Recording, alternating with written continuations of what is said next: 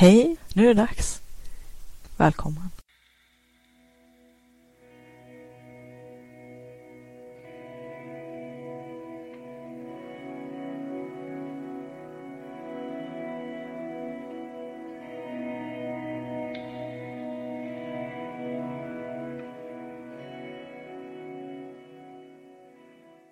Vill du uppleva mera kreativitet och flow, få mer kvalitetstid till ditt skapande och kreativa liv, mer energi och lust, tillgång till dina kreativa superkrafter? Då har du kommit helt rätt. Välkommen till Kreativitetspodden. Hoppas att du ska ha en trevlig lyssning. Hej igen! Nu skriver vi avsnitt 11. Det känns ganska bra. Och idag tänkte jag prata lite grann om eh, att må bra. Det är någonting som eh, för mig är ganska viktigt för att vara kreativ. Det går ju lite upp och ner för de allra flesta människor med det här med att må bra. Och ibland hamnar man i perioder när man inte mår så bra. Ibland kan det ju till och med vara rent av riktigt djupa diken man har hamnat i. Och eh, det känns som att det aldrig ska ta slut, att man aldrig ska komma, komma ur den dåliga trenden. Jag har upplevt det och jag tror de allra flesta människor har upplevt det på det ena eller andra sättet i, i sina liv. Och det är ju aldrig särskilt eh, trevligt att uppleva. Och det kan ju vara massa saker som orsakar att man mår riktigt, riktigt uselt. Många gånger handlar det om relationer som inte fungerar så bra. På ett vis kan man ju ibland tycka att det borde vara enkelt med relationer. Men eh, det är inte alltid att det fungerar så enkelt som man skulle hoppas och önskar ibland. Och det är klart man kan ha teorier om vad det beror på. En stor anledning till att det fungerar dåligt är ju, enligt min erfarenhet i alla fall, att eh, kommunikationen inte fungerar. Antingen att den inte är dubbelriktad eller att den har brutit samman eller att man pratar omkring varandra eller att man eh, av olika skäl inte får det samtal med de personer som man kanske skulle behöva ha ett samtal med. Eller inte får ett samtal på det sättet man skulle önska eller behöva.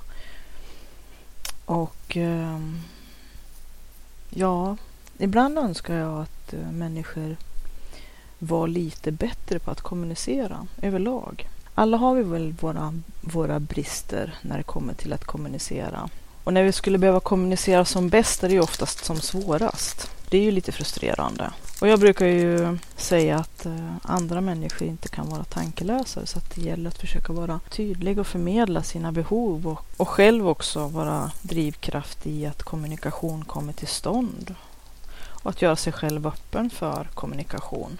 Att inte blockera sig själv eller andra av rädsla eller ovilja eller vad det nu kan handla om. Men också kanske jag skulle önska att eh, långt fler tränade på att kommunicera. Och någonstans i grunden så handlar ju det här om att kommunicera, känna sig själv, att ha gjort sina mörkervandringar och djupdyk som jag brukar säga. Att ha vågat mött sig själv och att eh, ha lärt känna sig själv. Att eh, så långt det är möjligt närmat sig den man är, sitt autentiska jag. För att om man inte har kommunicerat med sig själv, för någonstans så är det väl också så att eh, den viktigaste relationen har vi ju med oss själva. Många kanske inte vill hålla med om det och tycker att nej, nej, det är någon slags eh, janteanda eller någonting som kanske spelar in att man inte tycker att man är värd att eh, vara viktig. Inte ens för sig själv eller i sitt eget liv, vilket jag tycker verkar ju i så fall helt vansinnigt. Men det kanske är så att många är så, så nedtryckta och eh, har så dålig självkänsla kanske. Om det är kulturellt eller socialt eller i den omgivning man har växt upp eller vad det nu handlar om. Men eh, jag tycker verkligen att man är värd att ha bra relationer. Och för mig så börjar alltid bra relationer med en bra relation med sig själv. Om man inte har en bra relation med sig själv kan man inte ha en bra relation med någon annan heller. Och har man inte mött sig själv och kommunicerat med sig själv om en massa saker. Gjort klart för sig själv vad man vill och vad man behöver och vart man är på väg och vem man är. Då är det ju väldigt svårt att förmedla det till någon annan. Det är ju på ett vis eh, låter det ju väldigt självklart när man säger det. Absolut, men eh, min erfarenhet är att väldigt många inte gör det. Inte vet vem de är och inte vad de behöver och inte vad de vill och inte kommunicerar det. Ibland kan det ju också vara som sagt för att man inte vågar kommunicera. Inte vågar kommunicera det man behöver kommunicera eller det man känner eller den man är. Och då är det ju jättetragiskt egentligen, vilka skäl det än beror på. Om man känner att man är i en sån livssituation måste man ju förstås se över den och försöka bena ut vad, vad orsaken är. Handlar det om rädsla, intern rädsla, en, en rädsla inom en själv att man inte ska bli bekräftad eller att man ska bli betraktad som fel eller svår eller ha omöjliga krav eller, eller är man helt enkelt i en sån destruktiv miljö att man eller, eller i så destruktiva relationer eller så destruktiv relation att, att det kanske är dags att börja fundera på om man ska ha den eller de relationerna kvar. Jag brukar säga att eh, en relation, om man överhuvudtaget ska överväga att ha den alls, så ska det vara minst 60 plus vad det gäller energibalansen. Att man åtminstone har 60 plus energimässigt. Men jag vet ju en del personer, bland annat en person som när jag sa det berättade, eh, då var han precis nyskild, så berättade han att i hans relation som han hade haft under väldigt lång tid så var den här energibalansen 85-15 med 85 på den negativa sidan. Och det är ju egentligen ganska gräsligt. Och när han sen eh, efter skilsmässan pratade med sin psykolog och berättade precis hur han hade haft det under alla de här åren så, så sa psykologen rakt ut att eh, enda anledningen att den här relationen fungerar är för att du har hållit ihop den här relationen. Mer eller mindre på total bekostnad av dig själv. Och ibland kanske vi blir lite för envisa. Jag vet många i min omgivning bland annat en ingift släkting som eh, tidigt i sin barndom bestämde sig för att aldrig, aldrig, aldrig skiljas. Eftersom att då som barn att ha upplevt sina föräldrars skilsmässa som eh, ja, var så traumatiskt eller så negativt att man bestämde att man aldrig, aldrig själv skulle skiljas. Och det som är gemensamt för de personerna som jag känner som har upplevt det, det är inte så himla ovanligt egentligen, det är att de sen, senare vuxen, i vuxen ålder har bestämt sig för att aldrig skilja sig och hållit fast vid det löftet. Och, och det är klart, jag tycker inte att man ska ge upp för lätt eller hoppa bara till nästa relation. Eller fladdra från blomma till blomma bara för att det blir lite besvärligt eller så. Men eh, ibland kan det ju gå och bli överdrift åt andra hållet istället. Alldeles, alldeles. Och eh, man kan göra sig själv hemskt illa ifall att man gå sönder helt och hållet. Och också faktiskt alla de år när man försöker hålla ihop en relation som faktiskt inte är särskilt eh, bra för någon inblandad så riskerar man ju dels att gå sönder, att göra sig själv trasig. Och om man inte går sönder och blir trasig så kommer man i alla fall ganska säkert att uh, ha förstört en hel del av sitt liv och av sin tid. Och ju längre man försöker bita sig fast, desto mera kommer man att förlora. Och det är klart att när man har bitit sig fast nästan in absurdum i en relation som absolut inte fungerar, av vilket skäl det än må vara, då är det ju ännu svårare att släppa taget. För har man stått ut så här länge så ska man ju fortsätta att uthärda tills att man ja, går i mål eller vinner eller på något vis ska kunna vända det här. Men efter ett antal år så kanske man till slut måste inse att nej, det här kommer inte att bli bättre. Och ju förr man kanske inser att eh, det helt enkelt inte finns några utsikter, ta sig därifrån och kanske fortsätta sitt liv på något annat sätt, på något bättre sätt med andra personer som man har utsikt att ha en bättre relation med. Och det är klart, det är ju lätt att säga. det är ju lite svårare att leva i livet på riktigt när det kan vara så himla mycket känslor och, eh, och eh, annat som, som kommer i vägen för ens blick. Och så sen någonstans i grund och botten så vill vi inte misslyckas. Att, eh, jag tror att många också biter sig fast vid sitt jobb eller vid ett jobb Eh, och nästan, eller kanske faktiskt går sönder för att de inte vill ge upp. De vill inte ge upp för lätt och det är klart, det, det, absolut, man ska inte ge upp för lätt eller för tidigt. Men någonstans sätta en rimlig gräns för hur mycket man ska uthärda innan man inser att det är fullkomligt utan utsikt och att man faktiskt bara eh, kommer att gå sönder. Och egentligen, även om att jag vet att de som är djupt involverade i sina jobb kan bli väldigt, väldigt eh, blinda för och inte ha några proportioner eller någon distans till att det faktiskt i grund och botten för de allra flesta bara rör sig om ett jobb. Det kanske är skillnad om man räddar människoliv eh, vid en brinnande krigsfront. Eh, men, men om man håller på med att eh, programmera ett, eh, ett bostadsregister eller någonting annat som kanske inte ens involverar levande människor, då känner jag att det kanske inte är sådär fruktansvärt mycket att dö för. Dö på sin post. Att man måste försöka ha distans och se det viktiga i livet. Även när man är så pass stressad att det kanske är lätt att bara rusa på. Och jag vet igen, det är lätt att säga. Och har man drabbats av den här uppåtgående spiralen av stress, det är klart att då är det ju ännu, ännu svårare att att uh, kanske se sina egna gränser och kunna säga stopp, nu är det här inte längre rimligt. Och sen naturligtvis, många oroar sig väldigt mycket för sin ekonomi och för försörjningen. Absolut, jag har full förståelse för det. Men att eh, när det börjar barka hän, börja se sig efter eh, en annan väg, en plan B, efter utgången. Och när det riktigt har gått alldeles, alldeles för långt, då kanske man till och med måste börja se sig efter nödutgången.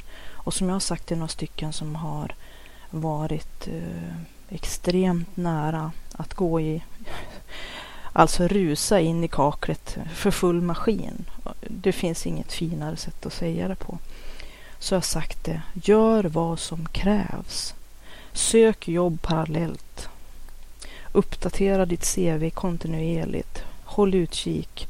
Och om du inte känner att du har resurser tillräckligt i vardagen, sjukskriv dig under en period för att söka jobb aktivt.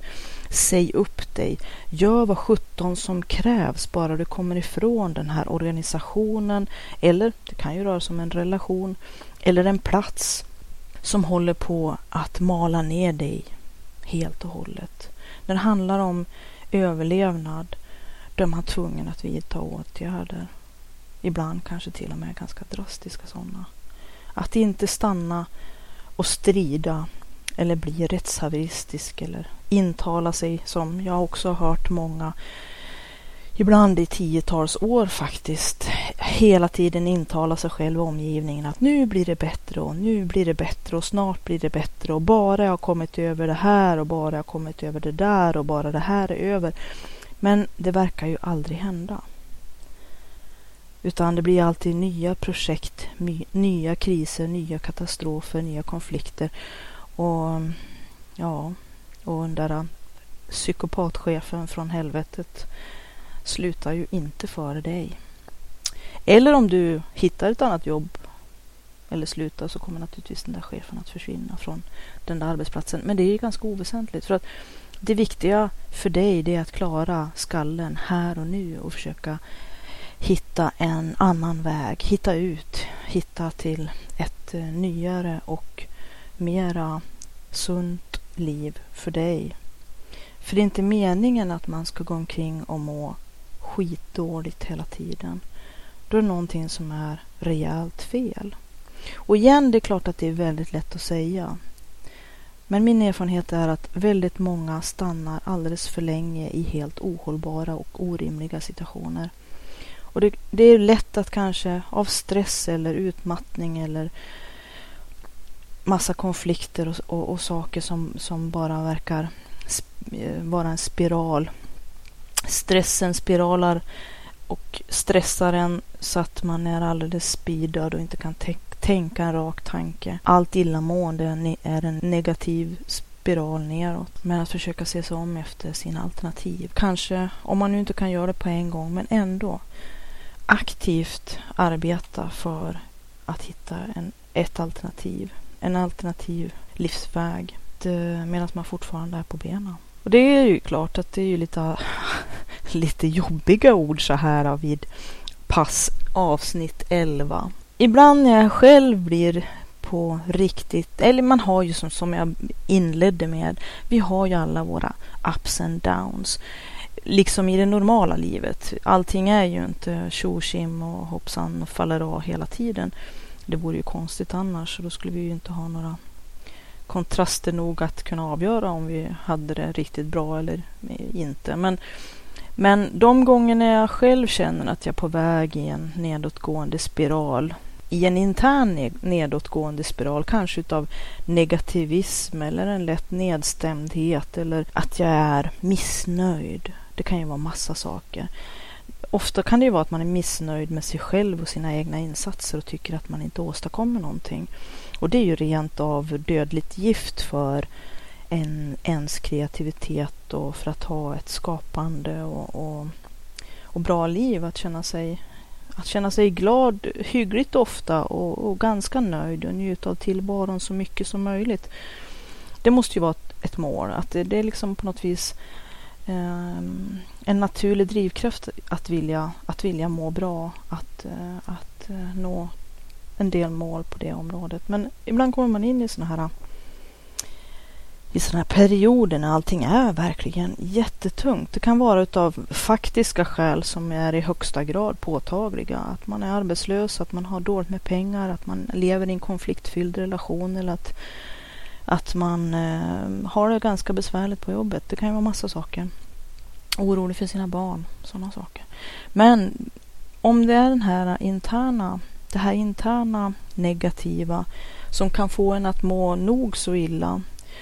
Och för mig brukar det oftast eh, vara att jag kanske känner att jag inte åstadkommer tillräckligt mycket på tillräckligt kort tid eller att jag inte har nått mål eller ja, på något vis inte, inte, inte duger. Att det, är den här, det här prestationsmonstret, att det är väldigt lätt att prestationspunda i, i, våran, i vårat samhälle. Att på något vis eh, är det ju mm, liksom som fint att jobba och håller man på att jobba ihjäl sig och är arbetsnarkoman och alltid har jobbet som orsak till varför man inte kan eh, komma till olika sociala eh, evenemang eller, eller göra vissa saker andra tid med någonting så liksom applåderas man ju lite grann att det här med att vara lite arbetsnarkomanmässig eller liksom eh, jobba för mycket och liksom så jobba övertid och, och till och med ta med sig jobbet hem på obetald arbetstid.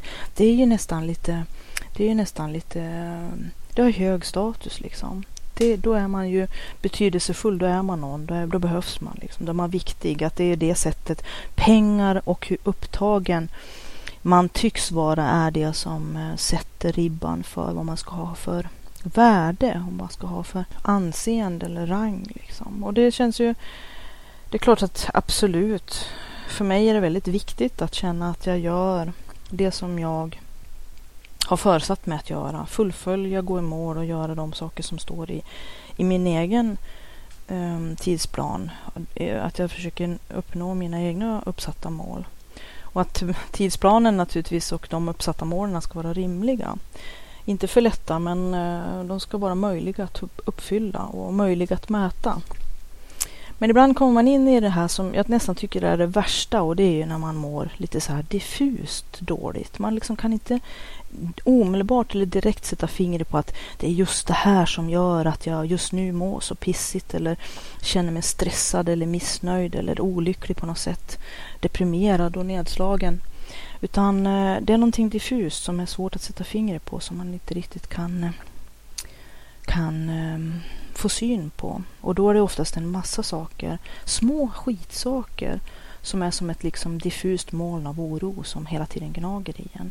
Och då gäller det att bena ut det här molnet Och då när man har gjort det, jag gör det här gång på gång faktiskt, så kommer man oftast på, att det här är ju bara skitsaker egentligen. Det är bara det att den här diffusa och okända mängden av små skitsaker, det är de som gör en så himla orolig. Att man säger ju ofta att ovisshet är nästan det värsta man kan bli utsatt för och det är lite grann det som gör att man mår så pyton när man känner att det är en massa, massa sådana här små stressbomber som, som tickar. Så det gäller att bena ut dem. Och eh, en annan teknik som jag använder ganska mycket det är att jag när jag känner att jag har kommit in i den här negativa spiralen av negativt självprat eller självtankar det är ju att varje kväll tänka igenom tre eller fem saker som man har gjort, som man faktiskt har gjort, som man är ganska nöjd med. Och eh, tre eller fem saker som man är tacksam för varje kväll. Och det brukar göra en fantastisk skillnad. Jag lovar, testa det. Sådär, nu har jag ett helt gäng med, med eh, hängen igen. Här är rena rama fabriken. Och eh, händerna bara jobbar av sig själv. Jag sitter vid pärlbordet som vanligt. Eh, det håller på att mörkna.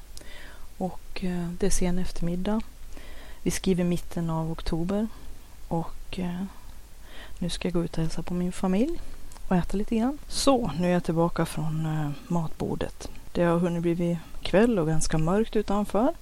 Och jag tänkte att jag skulle fortsätta på den tråden som jag var inne på. Jag eh, kanske var lite otydlig, eller jag vill förklara lite närmare hur jag menar med 3 till 5. Att det är perioder när jag känner att jag är missnöjd, speciellt om jag är missnöjd med eh, mig själv. I perioder så känner man ju att man inte riktigt har den där jättehöga takten, prestationstakten eller, eller man är bara allmänt missnöjd. Det kan ju som, vara som den här äh, diffusa oron, att man kan ha en ganska diffus känsla av otillräcklighet och att inte duga eller att man indirekt eller omedvetet känner att man inte lever upp till sina egna krav eller till det man äh, föresatt sig eller någonting i den stilen. Och då brukar jag i de perioderna och lite grann ibland annars också, egentligen tror jag att det är en ganska bra vana att ha hela tiden, brukar jag tänka på de tre saker som jag har gjort under dagen. Att jag har gjort tre saker som eh, jag kan vara nöjd med. Och eh, det brukar oftast bli mycket mer än tre saker. För att det lustiga här, som jag pratade i ett tidigare avsnitt, det är ju det att så fort vi har gjort någonting, då har vi glömt det direkt. Men allt som vi inte har hunnit göra, allt som står på våran att göra-lista som inte blev förbockat, det är de sakerna som vi kommer ihåg i blixtbelysning. Och så sen blir vi så här missnöjda och lite självanklagande och tycker att vi inte lever upp till våra egna inre krav. Och då är det så himla bra att eh, varje kväll innan man somnar aktivt tänka på vad man har gjort tre saker. Det räcker med tre saker. Och Eh, jag brukar oftast komma fram till mer än tre. Men, men tre. Det är, och när man då tänker på de här tre sakerna, då går det upp ett ljus. Ja, men jag har gjort mycket mera än vad jag tror eller vad jag känner eller vad jag tycker.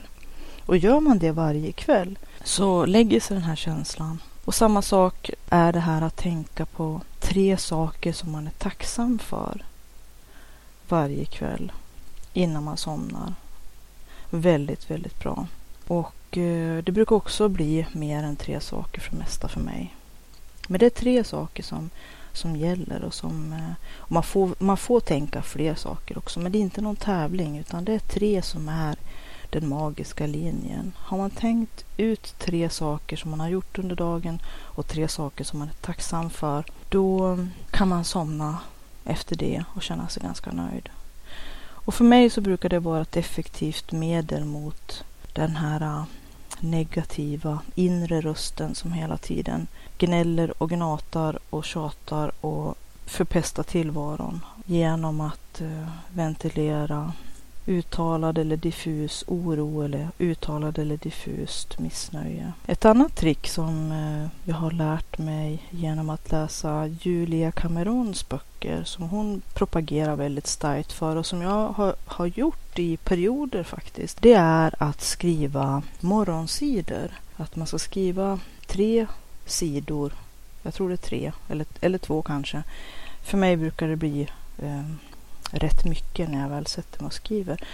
Och att man ska skriva de här morgonsidorna varje morgon, det första man gör efter att man har klätt sig och ätit frukost. Och att det ska vara att bara kasta ner precis allt som bara dyker upp för en för att få en chans att eh, dels mentalt eh, avbörda sig liksom. Det blir som ett eh, internt kräkseminarium kan det bli i alla fall. Eller slasksidor som, som jag brukar tänka om det. Eh, det blir en eh, ibland lite gnällig dagbok. När man eh, för hand, gärna för hand, eller helst för hand, skriver i ett eh, kollegieblock ett par, tre sidor varje morgon och eh, bara vräker ur sig precis spontant det som kommer för en. Det finns ingen, ingen tanke, ingen, inga, inga krav på hur det ska se ut eller vad det ska bli. Det ska inte bli någonting utan det är bara att helt enkelt ventilera. Och genom att ventilera kan ju bli väldigt ensidiga och tjatiga sidor liksom med allmänt gnäll varje morgon. Men fördelen med det är att man får eh, ha ett litet internt kräkseminarium och att man får syn på sådana saker som hela tiden ligger och skaver och eh, irriterar en och man får en intern eh, uppdatering på, oftast dyker ju en hel del praktiska saker och många av de här eh, små diffusa stressbomberna, de här sakerna som jag pratade om förut som gör att man mår eh, genuint illa men utan att riktigt kunna sätta fingret på vad det är. Så genom att lufta allt det där varje morgon så får man syn på det och ser det för vad det är och eh, samtidigt så får man en, en oftast en ganska så eh, konkret lista på saker som eh, behöver betas av som kan vara mm, rätt, rätt triviala saker. Fixa den där tandläkartiden eller, eller eh, ta reda på vad det är som låter illa i bilen eller eh, äntligen anmäla sig till den där keramikkursen som man bara har gått omkring och, och drömt om och haft.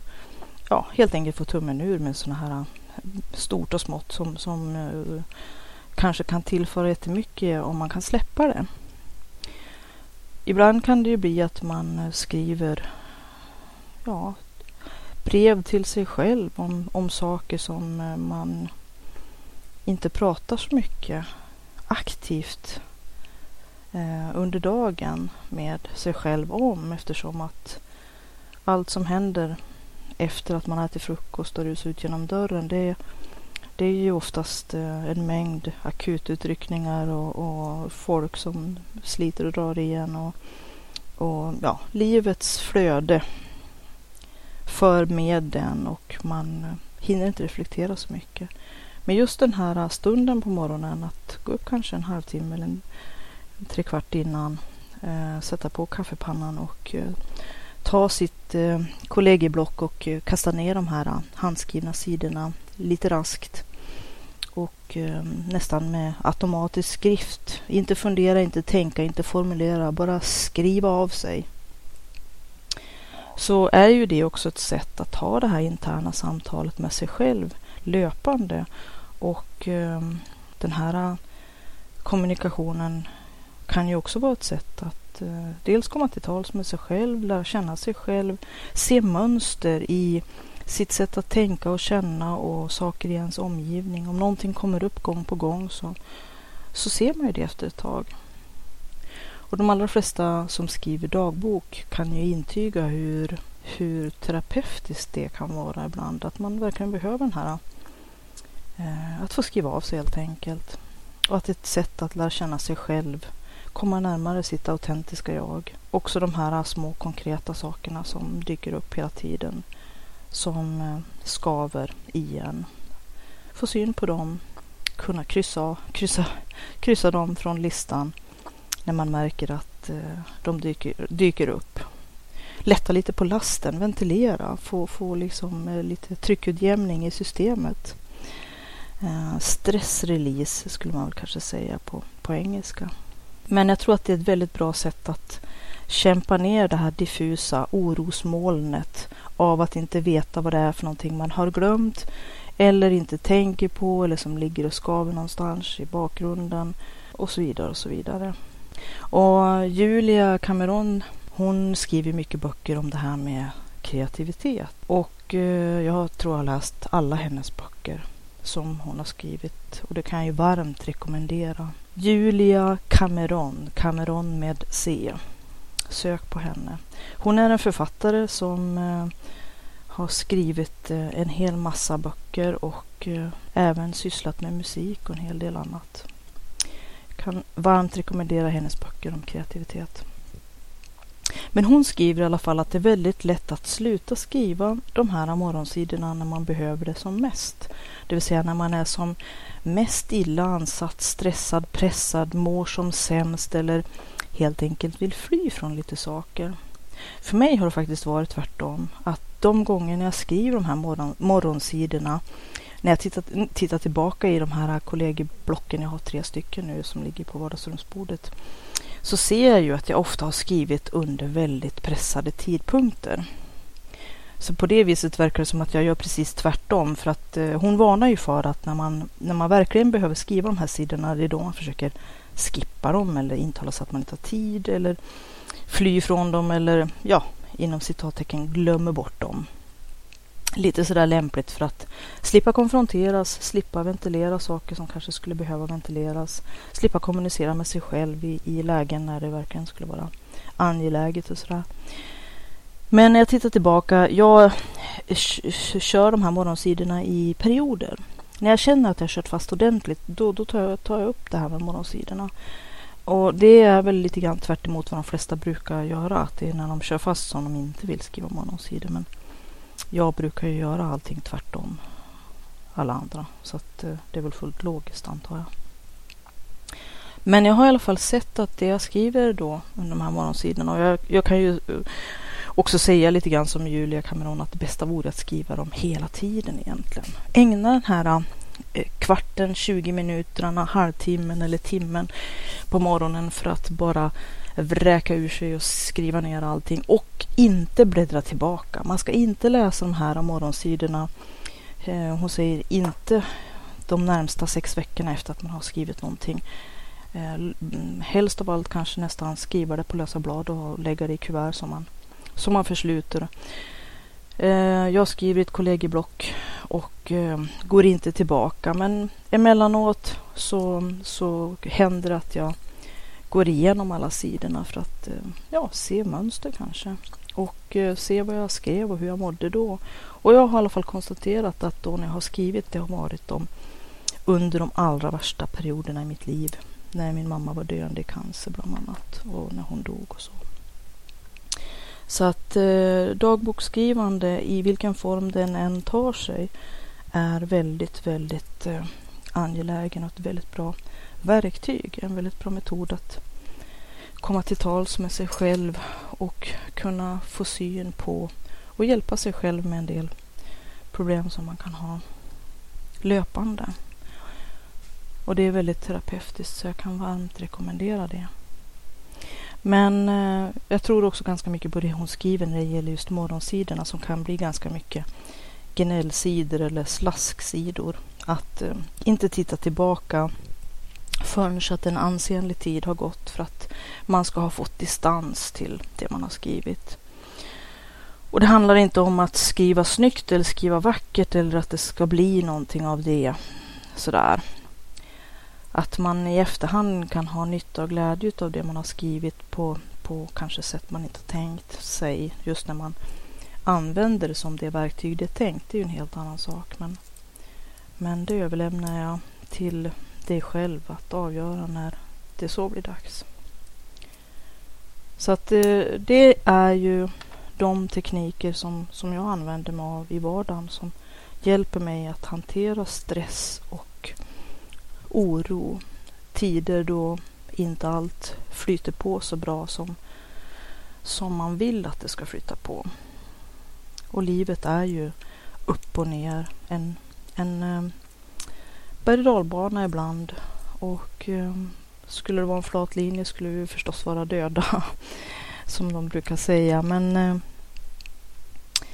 man får eh, försöka hitta sätt att, eh, att eh, plana ut den här linjen så att den inte blir alldeles för häftig eller kommer i självsvängning och eh, att man får syn kanske på sina egna eller omgivningens eller ens omständigheters destruktiva sidor. Om, om man måste kanske ändra en, en sak, en inriktning, ta ut en ny kurs i sitt liv så förr eller senare om man skriver de här morgonsidorna så kommer man nog att kunna se det mönstret och kanske ha en större chans att efter att en viss tid gått och man har fått lite mer distans titta tillbaka och ser man samma sak återkommer om och om igen, om och om igen och det inte verkar bli någon bättring.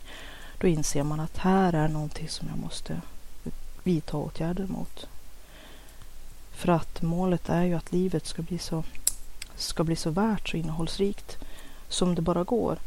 För även om det inte är en dans på rosor och eh, vi har alla våra egna kors att bära som jag brukar säga. Allas omständigheter, egenheter, förutsättningar, miljö och en mängd andra saker är ju helt unika. Och eh, även om vi kanske lätt tror att det är så himla enkelt för alla andra så i tysthet så går ju alla omkring och släpar på sina egna kors i, i tysthet håller upp sina fasader och glada ansikten för att eh, man vill inte, inte, inte alltid visa vad som försiggår bakom kulisserna och försöker hålla masken och spela med. På gott och ont liksom sådär. Så att, eh, men för sig själv så ska man inte ha några sådana masker eller kulisser eller försöka lura sig själv. Självbedrägeri, det är oftast inte någon bra väg till, till ett bra liv eller ett bättre liv. Och då hittar man ju inte till det autentiska jag som faktiskt kan hjälpa en med att ändra kursen eller hitta den livsbana som, som eh, det är tänkt att man ska ha för att bli den man, man vill bli och den man, man eh, behöver bli. Så att eh, alla verktyg för att kommunicera med sig själv och både få syn på saker i sitt liv och i sig själv eh, och att eh, hitta till den autentiska kärnan är ju jätteviktiga. För att kunna, efter de förutsättningar man får, skapa sig ett så bra liv man kan. För mig, som jag har sagt tidigare, så är skapandet och kreativiteten, det är det som är min drivkraft, mitt eh, livssyre, det som jag brinner för och lever för. Och då jag skapar och hamnar i flow, det är då jag mår som bäst. Och eh, jag sa tidigare att det inte är så himla lämpligt att förfalla till att bli arbetsnarkoman som vissa blir för att antingen för att skaffa sig ett värde eller för att distrahera sig eller avskärma sig från andra saker i livet som, som de kanske försöker sublimera bort. Det finns olika sätt att sublimera, det vill säga distrahera sig, att bedöva sig, som jag pratade om i ett tidigare avsnitt, för att slippa ta itu med, konfronteras, se eller ta in i sig själv eller i sitt liv delar som är viktiga och angelägna. En del kanske ägnar sig åt uh, att titta på sport eller att uh, um, träna, städa, shoppa, spela.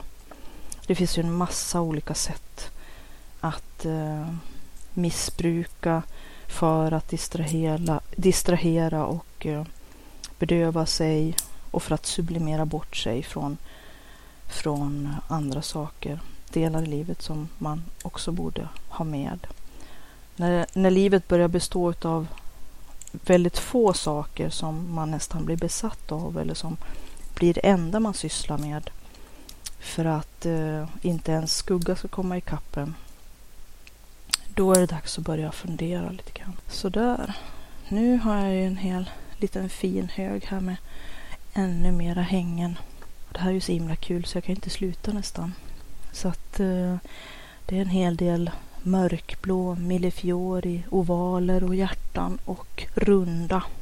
Och sen har jag lite eh, turkoser. Imitation visserligen men eh, i fin och rund och god hjärtform som jag använder som, som kjol till eh, änglar här. Det blir jättefina. Det närmar ju sig jul i alla fall på det viset om man vill tillverka saker som kanske ska säljas på välgörenhetsbasarer och sånt där. Vi skriver i mitten på oktober. Och eh, om man vill ha en rejäl stack med sånt man har gjort själv, om det är smycken eller någonting annat som man har tillverkat för att eh, stickat eller virkat eller snickrat eller vad det nu är för någonting så um, kanske man ska starta produktionen nu så att man eh, inte blir stressad. Och det som jag sa tidigare här, det man gör varje dag, det är det som är skillnaden. Det är det som kommer att bygga ens liv och bli ens framtid. Att om jag skriver en sida varje dag så har jag 365 sidor till en, ja, ett råmaterial till en bok, en roman.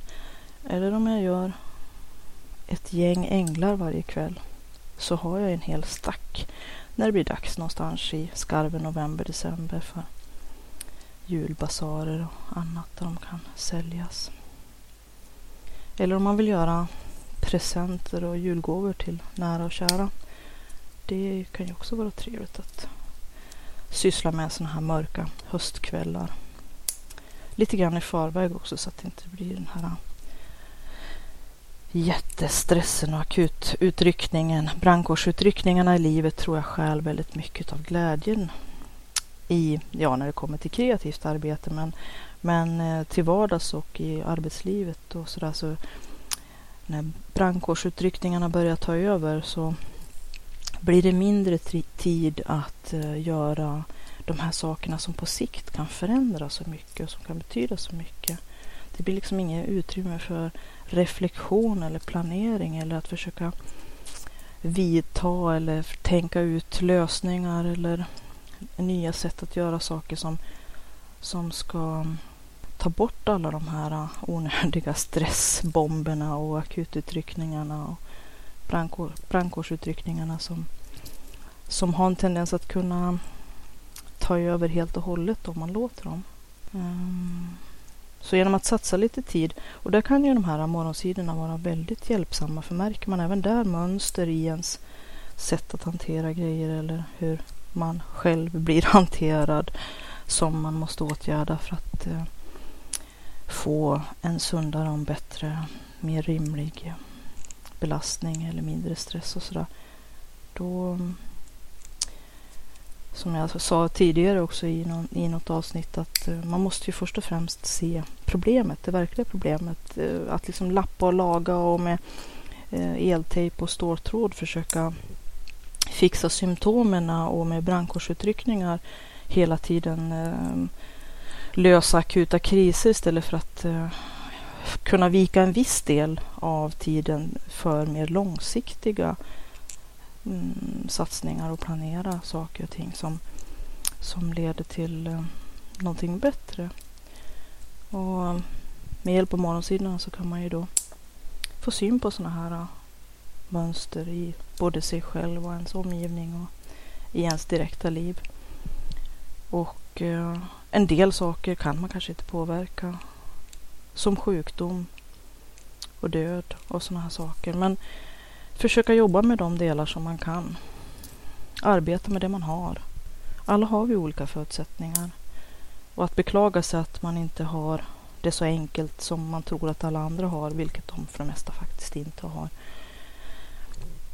alla ser ut att vara bra mycket lugnare och har, ha bra liv på utsidan. Men vad som döljer sig bakom fasaderna och bakom kulisserna och innanför fyra väggar, det vet man inte alltid. Så att, eh, sådär ja. Ett hänger till klart. Hur fint som helst. Jag är väldigt, väldigt nöjd. Det är väl en sak som jag tycker om med skapande, att se det mina händer har åstadkommit. Jag är svag för det vackra Och det är ju någonting speciellt med att göra saker själv. En stolthet och en, eh, ja, en tillfredsställelse att eh, vad man än skapar och på vilken nivå man än är så um, känner man att det här har jag gjort.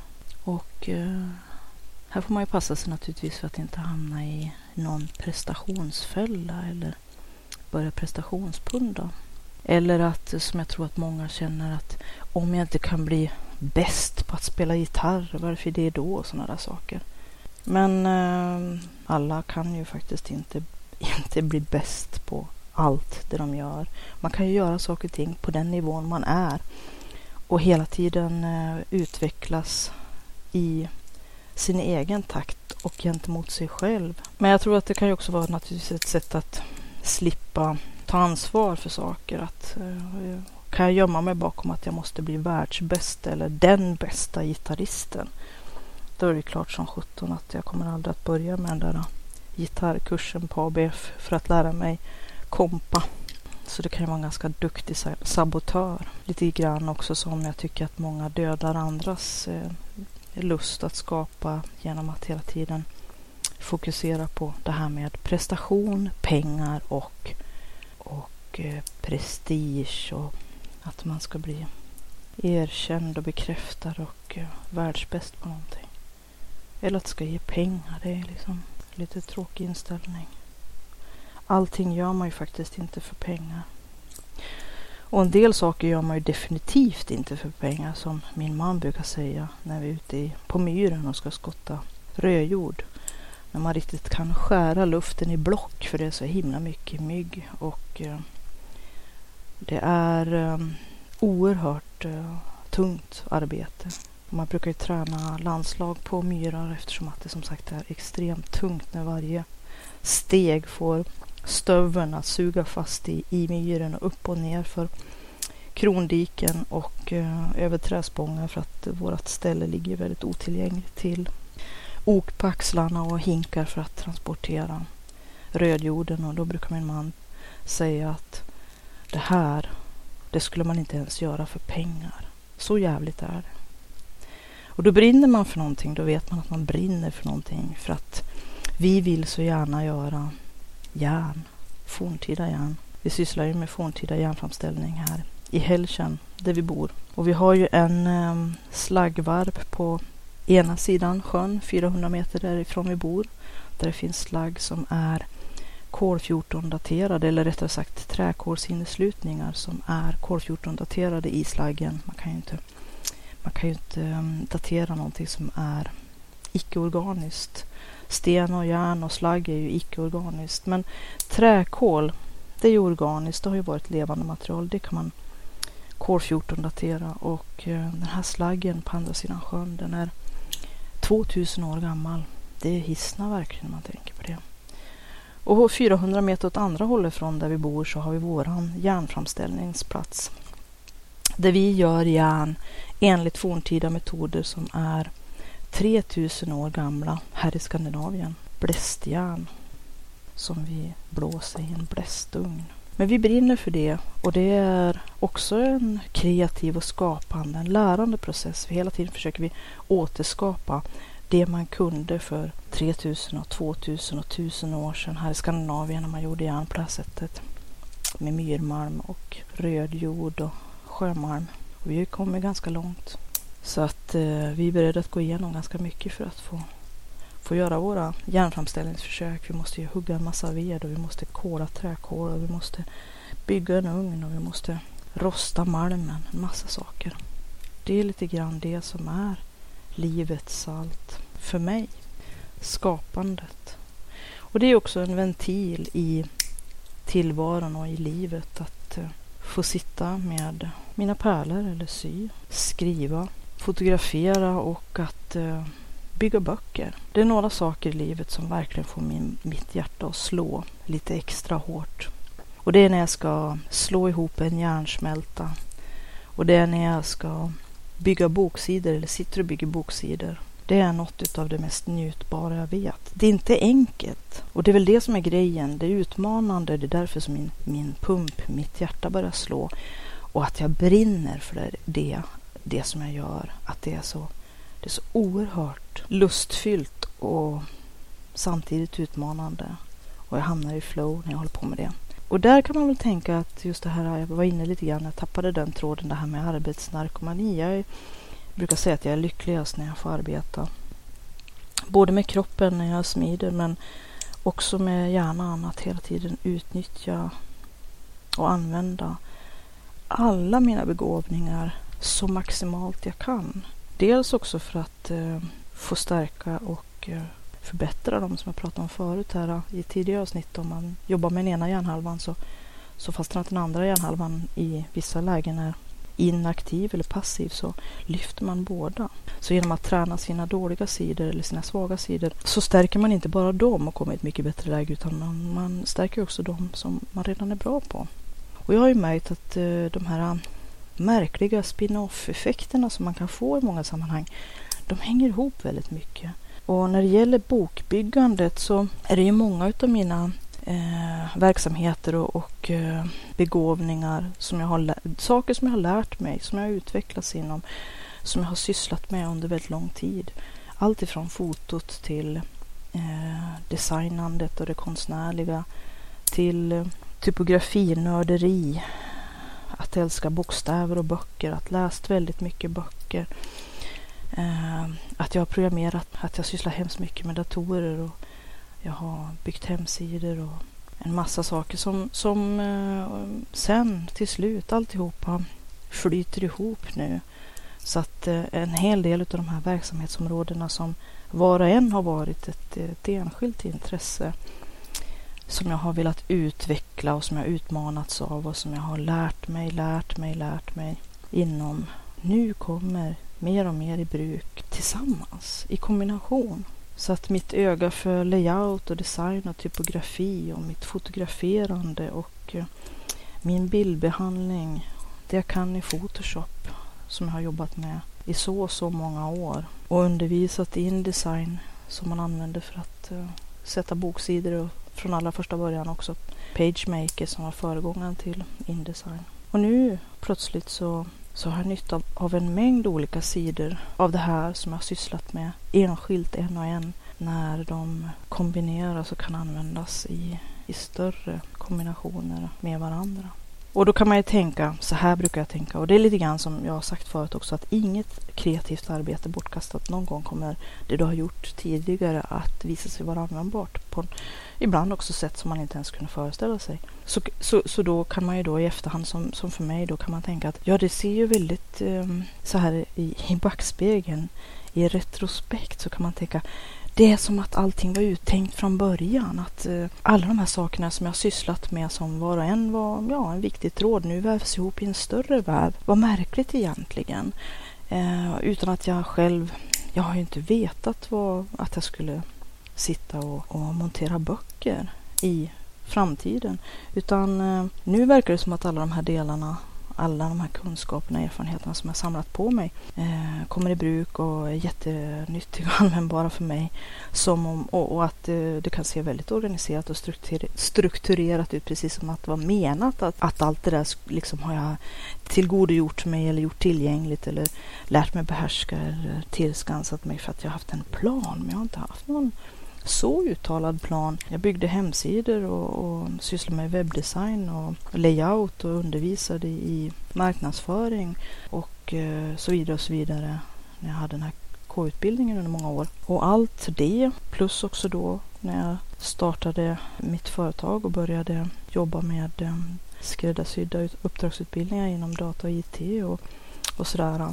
Att eh, alla de program som jag har undervisat folk i nu används i min egen verksamhet. Det är rätt lustigt egentligen. Men det har inte funnits någon sån här utstuderad långsiktig plan. Jag har långsiktiga planer men inte så utstuderade och inte så långsiktiga. Jag skulle vilja säga att det bara blev så. Men det visade sig bli ganska användbart. Så att genom att eh, tillåta sig att hela tiden växa och utmanas och hela tiden vidga sitt eget verksamhetsområde inte vara rädd för kanske lite branta inlärningskurvor och, och att utforska nya områden och att eh, inte hela tiden tänka att ja, om jag ska göra det eller göra det, då måste jag i så fall vara jättebra eller bli jättebra. Bli världsmästare eller, eller bli bäst på det. Det kanske är ett sätt bara att försöka gömma sig bakom att man eh, inte vill eller inte vågar. Det är bättre i så fall att vara ärlig och säga jag vill inte eller jag vågar inte.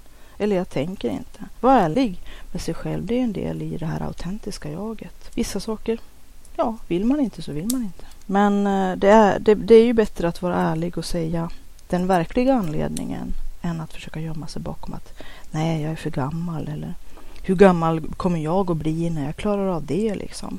Lära mig att spela piano eller bygga en hemsida. Jag kommer ju bara, ja, jag är för gammal liksom.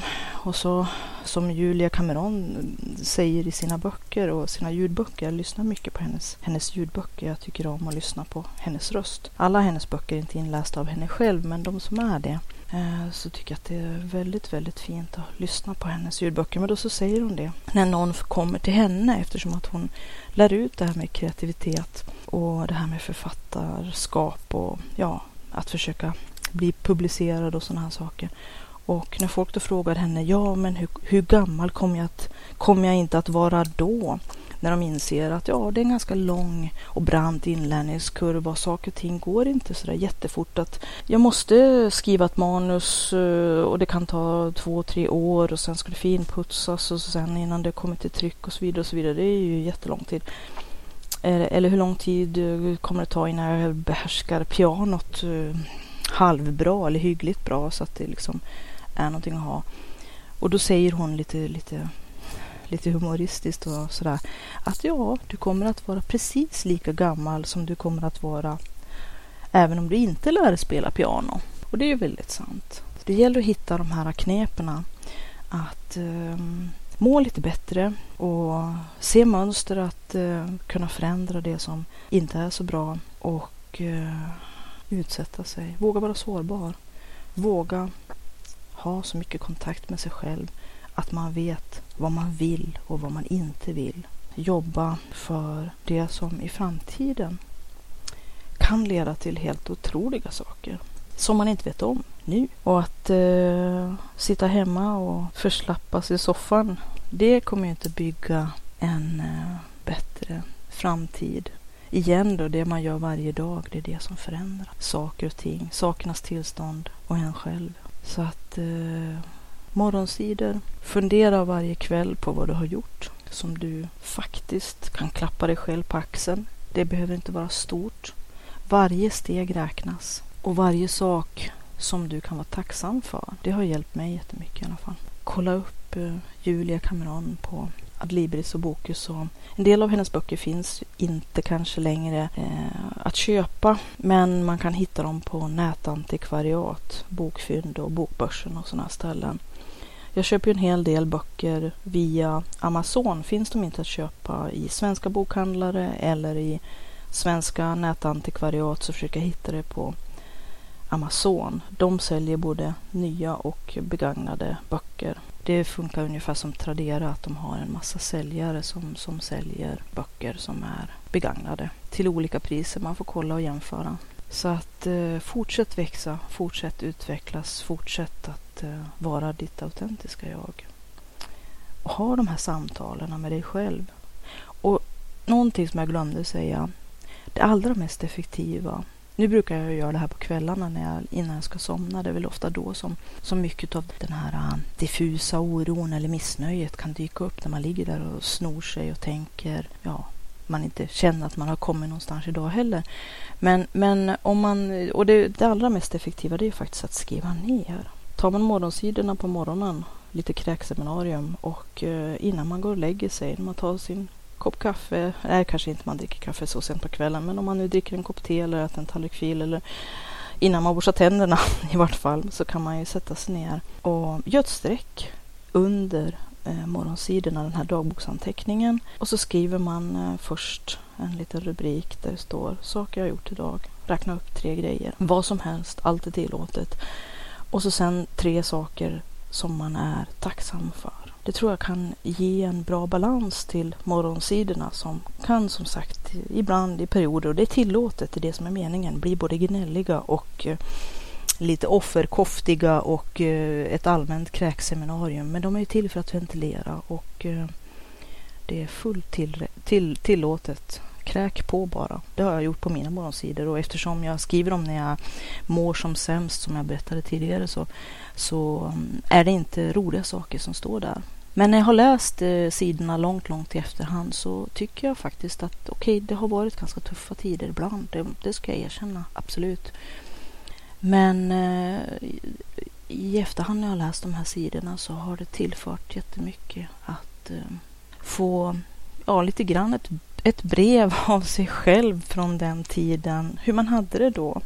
Ett ärligt brev med en del svåra saker som man verkligen behövde prata med sig själv om. Och när man har fått distans till det, då, då händer det någonting. Som för mig i alla fall har betytt väldigt mycket. Man ska inte grubbla, man ska inte älta och man ska inte gnugga eller riva i gamla sår och sådär. Men, men också kanske när man ser att man faktiskt har överlevt även mm, ganska så tuffa kriser och att saker ändå kan ha lett till till bra grejer som, som insikter och, och viktiga förändringar, transformationer i ens liv som jag pratade om tidigare, eh, så, så är det så värt. Och att inte vara rädd, att inte vara rädd att göra de här djupdykerna och mörkervandringarna. Man behöver kanske inte, som jag sa tidigare, ta det här värsta eh, dyket på 225 meter eh, rätt ner i det svarta havet och riskera liv och lem eftersom att man är både otränad och eh, att det är eh, en väldig chock, någonting som man måste träna rätt länge innan man kan komma ner på de djupen utan att ha några eh, hjälpmedel som vissa av de här rekordsättarna, de här som, som åker ner på en, på en släde rätt ner på kortast möjligaste tid för att eh, försöka slå rekord. Den typen av rekord kanske man inte behöver satsa på. Eh, meningen är ju inte att bli mer destruktiv utan att kanske bli lite mindre destruktiv. Men att ändå våga gå ner mer och mer på djupet, få syn på saker, komma till tals med sig själv. Och den viktigaste relationen man har, som alla andra relationer beror på, det är ju den relationen man har med sig själv. Och som jag sa tidigare, att kommunicera, kommunikation, det är det mest vitala för relationer. Först att kommunicera med sig själv och sen när man känner sig själv och kan kommunicera, kommunicera med andra, med de man har relationer, med de man bygger sitt liv med, tillsammans med. Ha det så gott och så hörs vi mera. Tack för att du har lyssnat på den här podden. Hoppas den var till mycket nytta och glädje. Om du vill läsa mera om Siddharta, gå in på www.siddharta.se Z-I-D-D-H-A-R-T-A.se. Där finns också kontaktuppgifter så att du kan till exempel mejla om du har frågor eller kommentarer eller vill ta upp något ämne som du gärna vill höra på podden i framtiden. Välkommen att höra av dig. Kreativitetspodden har också en egen Facebookgrupp så att om du söker på kreativitet eller kreativitetspodden så hittar du kreativitetspodden på Facebook. Anmäl dig gärna där som följare så får du uppdateringar löpande om nya avsnitt och saker som händer på kreativitetsfronten. Du kan också gå in på www.sidharta.se och klicka på länken högst upp till vänster bidra för att se vad du kan göra för att hjälpa den här podden att fortleva och att visa ditt stöd. Så gå in där på bidra så ser du hur det går till. Jag som driver kreativitetspodden heter Katrin Sidharta Tangen och jag är författare, järnsmed, driver www.sidharta.se och Sidhartas webbutik. Jag har skrivit flera böcker, bland annat Skapa och sälj, som är en handbok för entreprenörer, kreativa och skapande människor. Jag har skrivit Forntida järn, Ancient Iron, som handlar om forntida järnframställning och eh, vikingatida järnsmide. Jag har även skrivit Pitch 13, som är en serie i genren Dark Urban Fantasy och eh, nu finns även ljudboken för kreativitet och flow enligt Siddharta. Allt detta kan du hitta på www.siddharta.se där du också kan gå in i butiken, Siddhartas webbshop, där böckerna kan köpas till bästa pris. Böckerna kan också hittas på Bokus och Adlibris och på de vanliga ställena där du köper böcker. E-böckerna kan också köpas via Kobo och eh, Amazon med flera ställen där e-böcker säljs. Ha det gott. Tack för att du har lyssnat. Hej då!